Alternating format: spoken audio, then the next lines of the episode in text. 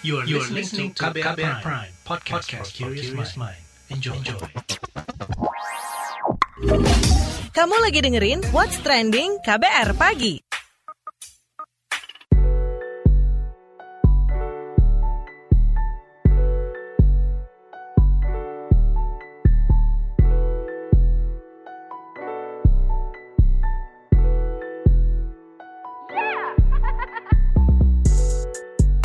KBR Pagi, siaran pagi radio paling update. Selamat pagi, kita ketemu lagi di What's Trending KBR Pagi di hari Rabu 17 Maret 2021 bersama saya Don Brady. Kita ngobrolin soal rekreasi mental membangun imunitas. Jadi wabah COVID-19 yang menciptakan situasi darurat kesehatan ini sedikit banyak menimbulkan tekanan bagi masyarakat ya. Karenanya dibutuhkan upaya pencegahan masalah kesehatan jiwa yang memiliki pengaruh pada imunitas kesehatan raga. Salah satu caranya adalah dengan rekreasi mental. Hiburan sangatlah penting untuk meningkatkan imunitas tubuh karena hiburan dapat mengurangi atau menghilangkan stres pada pasien COVID-19.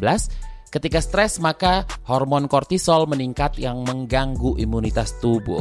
Hal ini dijelaskan oleh Kepala Rumah Sakit Lapangan Indrapura Surabaya, Dr. I Dewa Gede Nalendra. Karena itulah ia menggagas program untuk menghibur para tenaga kesehatan dan pasien COVID-19 di bawah penanganannya. Ia menjelaskan konsep diterapkannya dari awal adalah be happy. Wow, setuju banget dia. Kemudian di Rumah Sakit Wisma Atlet Jakarta juga tak jauh berbeda.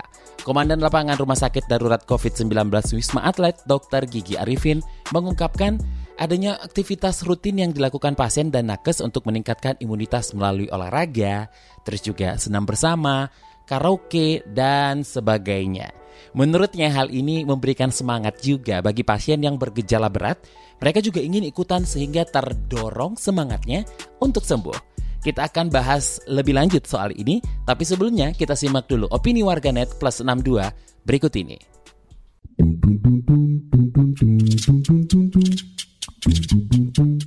Kita ke komentar at nili underscore 20. Rekreasi mental ditujukan untuk menjaga keselarasan hidup, mengisi waktu, memupuk kreativitas, mendapatkan pengalaman baru, meningkatkan rasa percaya diri, hingga mengembangkan bakat. Lanjut ke at rahmat underscore piliang. Tidak hanya membuat tubuh sehat secara fisik, olahraga jadi bisa menjadi ajang untuk rekreasi dan relaksasi mental. Olahraga beneran sangat penting untuk mengatasi depresi. Dari at Grace DS, makin suntuklah tanpa rekreasi mental. Lalu at Alfi Hariri, bagi saya mimpi bukan hanya bunga tidur, tapi rekreasi mental. Lanjut dari komentar at Amnester ZX, rekreasi mental sama dengan tidur. Lalu at Suhendi underscore Jajang, tidur siang yang cukup itu baik untuk kesehatan, tapi lebih baik lagi kalau waktu tersebut untuk baca dan menulis sambil rekreasi mental.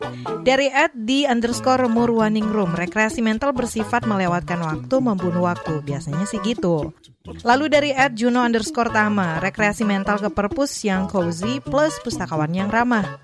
Lanjut at Hoggles, survei membuktikan bahwa akuarium yang diletakkan di tempat kerja itu bisa menimbulkan rekreasi mental positif loh.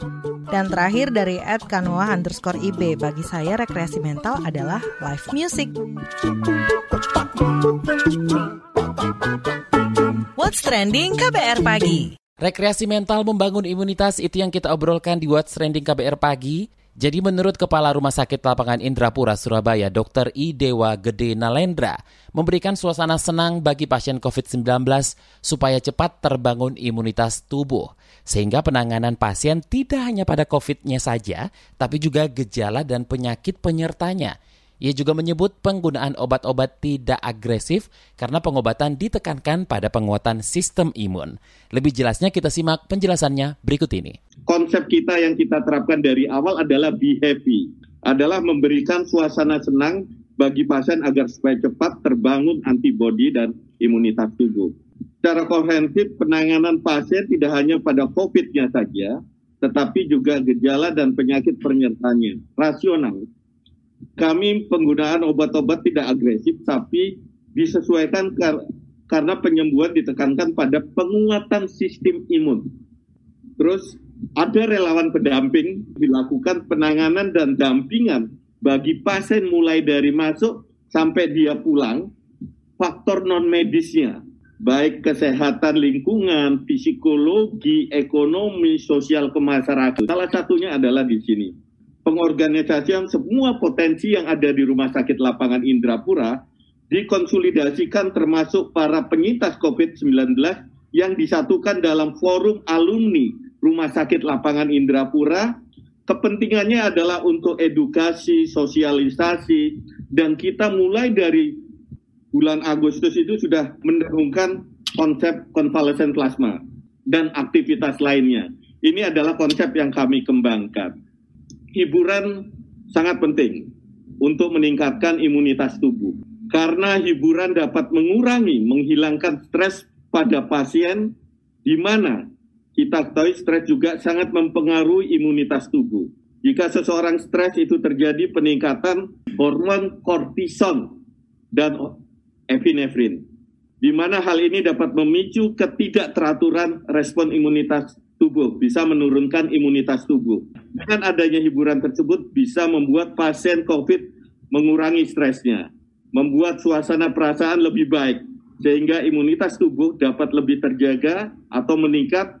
Jadi hiburan ini sangat erat hubungan baik secara mental dan medis di mana dapat mempercepat kesembuhan. Sementara itu, Komandan Lapangan Rumah Sakit Darurat COVID-19 Wisma Atlet Dr. Gigi M. Arifin mengungkapkan Wisma Atlet tak kalah serunya, bahkan dilengkapi juga dengan media sosial untuk relawan dan alumni pasien. Media itu digunakan sosialisasi para penyintas dalam mengabarkan hal-hal positif ke masyarakat bahwa ketika dirawat di rumah sakit darurat Wisma Atlet tidak menakutkan.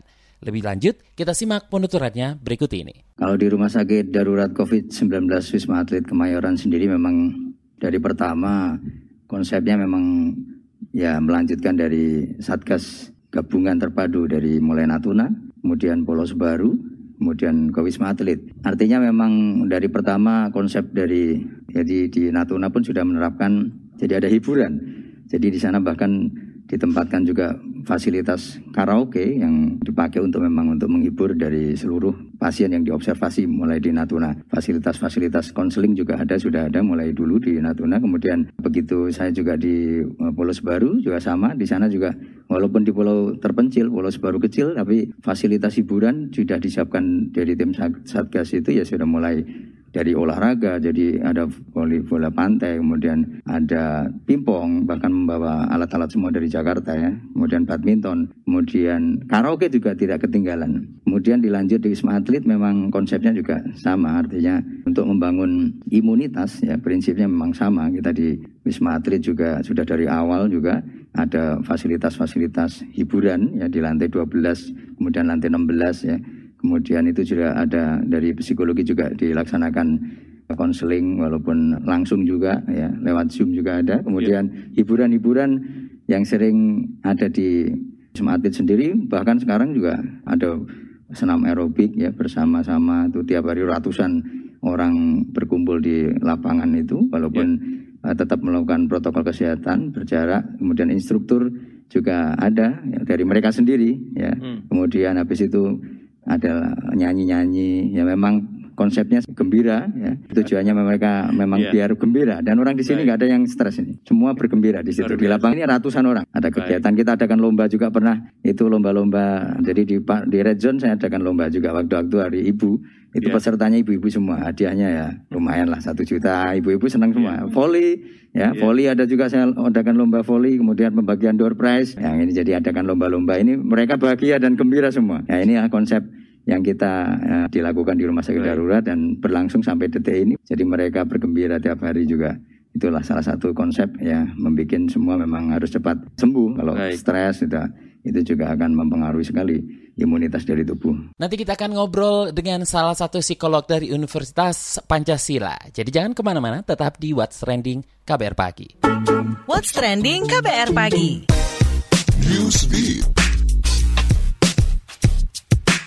Rusia meresmikan salah satu teleskop ruang angkasa bawah laut terbesar di dunia di Danau Baikal. Teleskop ini dapat digunakan untuk mengintip jauh ke dalam alam semesta dari perairan murni Danau Baikal. Pembangunannya pun telah dilakukan sejak 2015 lalu. Teleskop ini dirancang untuk mengamati neutrino, partikel terkecil yang sangat sulit dideteksi. Air pun dianggap media yang efektif untuk melakukan hal ini. Alat ini direndam hingga kedalaman 750 hingga 1300 meter dengan jarak sekitar 4 km dari pinggir danau. Australia akan bekerja sama dengan Singapura membuka gelembung perjalanan bubble travel pada awal Juli mendatang. Wakil Perdana Menteri Michael McCormack mengatakan, pembukaan ini mempertimbangkan Singapura yang dianggap berhasil menangani pandemi dengan menjalankan program vaksinasi COVID-19. Kesepakatan ini akan memungkinkan para pelancong, pelajar asing, pebisnis masuk ke wilayah Australia tanpa melakukan karantina. Hingga saat ini, travel bubble dari Australia baru dibuka satu arah dengan Selandia Baru. Aktor Michael B. Jordan akan menyutradarai film yang juga akan dibintanginya, Creed 3. Film ini pun akan menjadi debutnya menjadi sutradara. Jordan mengaku ini adalah impiannya sejak lama, namun ia mencari waktu yang tepat. Menurutnya, Creed 3 adalah waktu yang tepat untuk memulai karirnya sebagai sutradara. Melansir dari NME, Jordan mengaku telah yakin terhadap dirinya. Dia pun telah memahami kisah film tersebut lebih dewasa dan tumbuh secara profesional dengan belajar dari para seniornya. Creed merupakan spin-off dari waralaba film Rocky yang dibintangi Sylvester Stallone. Stallone berperan sebagai Balboa, mentor tinju yang berjuang dan melatih ayah Creed dahulu.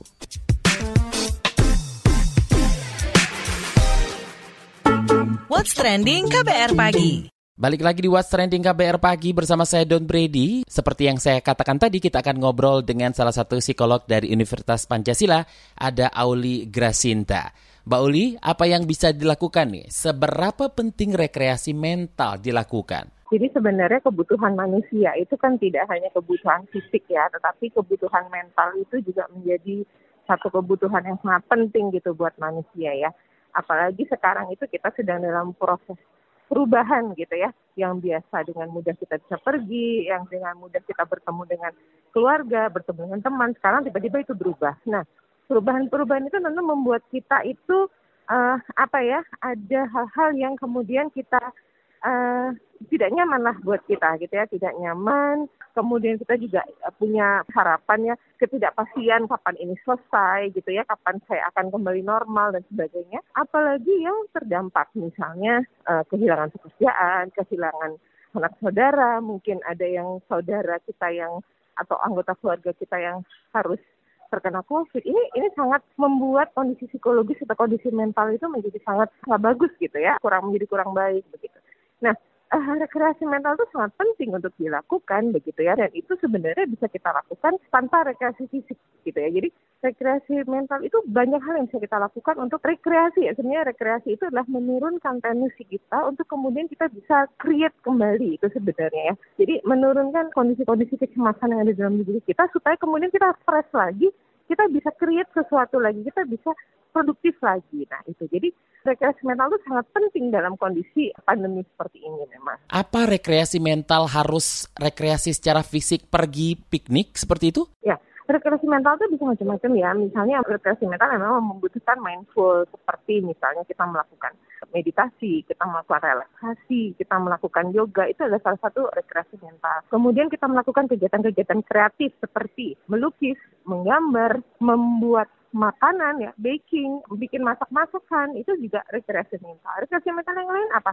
Uh, kita menonton pasti ya, kita nonton, kita baca buku yang menyenangkan buat kita, kita dengarkan musik yang menyenangkan, itu semua sebenarnya adalah rekreasi mental begitu. Jadi banyak hal yang bisa kita lakukan instead of rekreasi secara fisik di mana kita harus pergi gitu.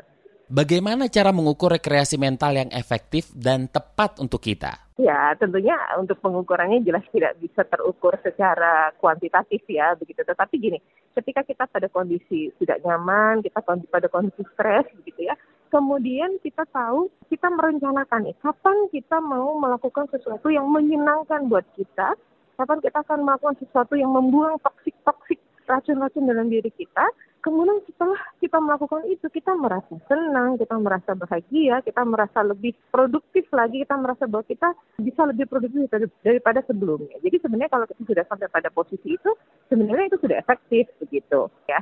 Ya tentunya berbeda-beda ya pada setiap orang ya. Misalnya orang yang sudah sangat depresi dengan kondisi ini, tentu dia membutuhkan relaksasi mental yang lebih. Misalnya dia mungkin tidak hanya butuh membaca, tapi dia juga butuh meditasi, butuh dibantu untuk yoga, dibantu untuk relaksasi. Nah itu mungkin jadi kadarnya berbeda-beda pada setiap orang memang gitu. Seperti apa tips melakukan rekreasi mental di tengah pandemi dan keterbatasan?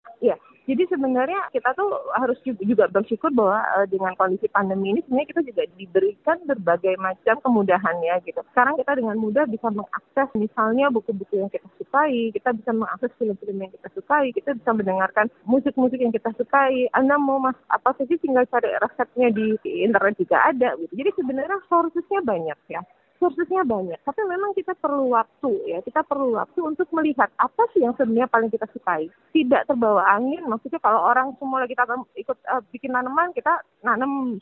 Kalau orang main ikan cupang, kita main ikan cupang. Itu nggak efektif gitu ya. Efektif boleh kita sadari, selama ini pola kita apa sih? Kalau kita stres, kita biasanya ngapain? Begitu kalau kita dalam kondisi tidak menyenangkan, apa sih yang biasa kita lakukan? Polanya seperti apa? Nah, itu yang kemudian kita kembangkan begitu. Jadi, oh, rasanya mencoba memasak menyenangkan deh buat saya. Kira coba begitu. Jadi, kita membuka diri untuk berbagai macam hal-hal yang baru juga buat kita yang sebenarnya sourcesnya itu sudah ada di kita dengan mudah sebenarnya untuk bisa mendapatkan sources-sources itu gitu kita juga bisa meningkatkan kapasitas kita ya sebagai salah satu bentuk relaksasi itu banyak kok sekarang juga secara online misalnya belajar yoga online, belajar meditasi online itu juga sangat banyak gitu. Jadi sebenarnya yang perlu kita lakukan adalah kita duduk, kita melis apa sih kegiatan-kegiatan yang ada, apa sih kegiatan yang ingin kita lakukan, outcome-nya apa sih gitu. Apakah saya mau jadi uh, membuat sesuatu untuk keluarga misalnya saya baking karena saya mau buat anak biar anak-anak saya pada makan gitu. Atau enggak saya mau meningkatkan kapasitas saya saya mau nyanyi aja sih belajar nyanyi yang benar dan sebagainya gitu. Outcome-nya ada gitu. Nah kita list kemudian kita pilih sebenarnya mana sih yang memang betul-betul kita sukai gitu.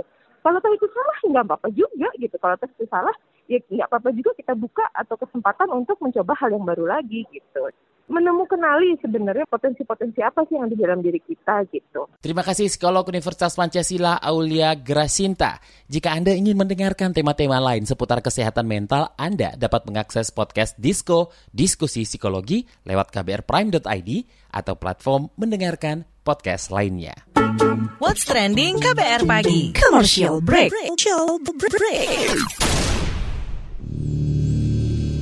Suatu hari virus berkumpul dan mulai kebingungan.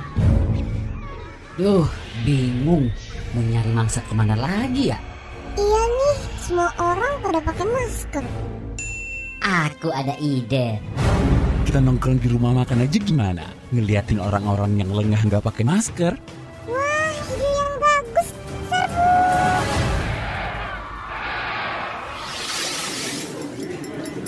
Hati-hati makan bersama saat pandemi. Sebaiknya pilih ruang terbuka, tetap jaga jarak kamu 1,5 meter jika duduk bersebelahan, 2 meter jika berhadapan. Batasi waktu makan bersama 30 menit saja dan jangan berbicara saat makan. Jika sudah selesai, gunakan kembali maskermu ya. Jangan sampai lengah, COVID masih ada. COVID masih ada. Pesan layanan masyarakat ini adalah kampanye bersama media lawan COVID-19. What's Trending KBR Pagi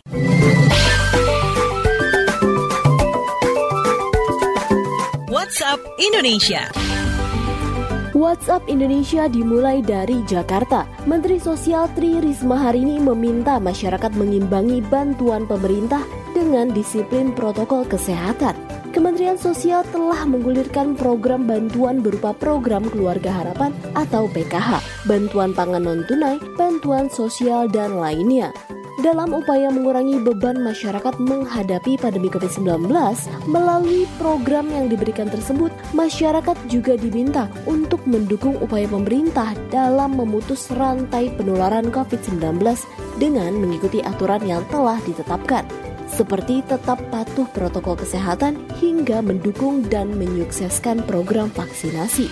Menurutnya, jika ada yang tidak mau divaksin, maka semua uang yang sudah digelontorkan menjadi sia-sia. Selanjutnya menuju Jawa Barat, pengrajin sangkar burung di Desa Sukamanah, Kecamatan Cugenang, Cianjur, Jawa Barat, kebanjiran pesanan di tengah pandemi COVID-19 Banyaknya pesanan ini dapat membuka lapangan kerja dan meningkatkan perekonomian di desa tersebut. Pasarnya pun berasal dari Jabodetabek dan daerah sekitarnya. Melalui antara news, salah satu pelaku usaha UMKM, Dadang mengatakan saat ini ia memiliki 20 pekerja. Sangkar burung ini pun berkisar 100 ribu hingga 1 juta rupiah Ia pun mampu menjual hingga 30 sangkar setiap minggunya. Dedang mengaku saat ini warga di desanya banyak yang berminat dalam usaha burung sangkar ini, sehingga ia berharap adanya bantuan dari pemerintah setempat terkait pelatihan dan permodalan. Langkah ini diklaim dapat menghidupkan kembali perekonomian yang redup akibat banyaknya PHK selama pandemi COVID-19. Sementara itu di Jambi, para pengrajin anyaman Jambi dan Gonau juga mampu membangkitkan pasar kerajinan anyam daerahnya. Di masa pandemi ini justru mereka kebanjiran orderan dari luar daerah. Dilansir antara news, founder Gonau Irma Tambunan menyebut bahwa melalui promosi yang dilakukan pihaknya, kerajinan anyaman pun mampu menembus pasar lokal. Beragam produk yang dihasilkan para pengrajin anyaman mulai dari tas, vas bunga dari bahan resam, purun maupun rumbai. Menurut Irma, banyak konsumen Jakarta menggunakan vas bunga resam sebagai hiasan dalam rumah maupun apartemen. Demikian WhatsApp Indonesia hari ini. Waktunya saya Don Brady harus undur diri. Terima kasih sudah mendengarkan. Dan buat Anda yang tertinggal siaran ini, Anda kembali bisa menyimaknya di podcast What's Trending yang ada di kbrprime.id, di Spotify, dan di aplikasi mendengarkan podcast lainnya. Besok kita ketemu lagi. Have a nice day. Stay safe. Bye-bye. Terima kasih ya sudah dengerin What's Trending KBR Pagi. KBR Prime, cara asik mendengar berita. KBR Prime, podcast for curious mind.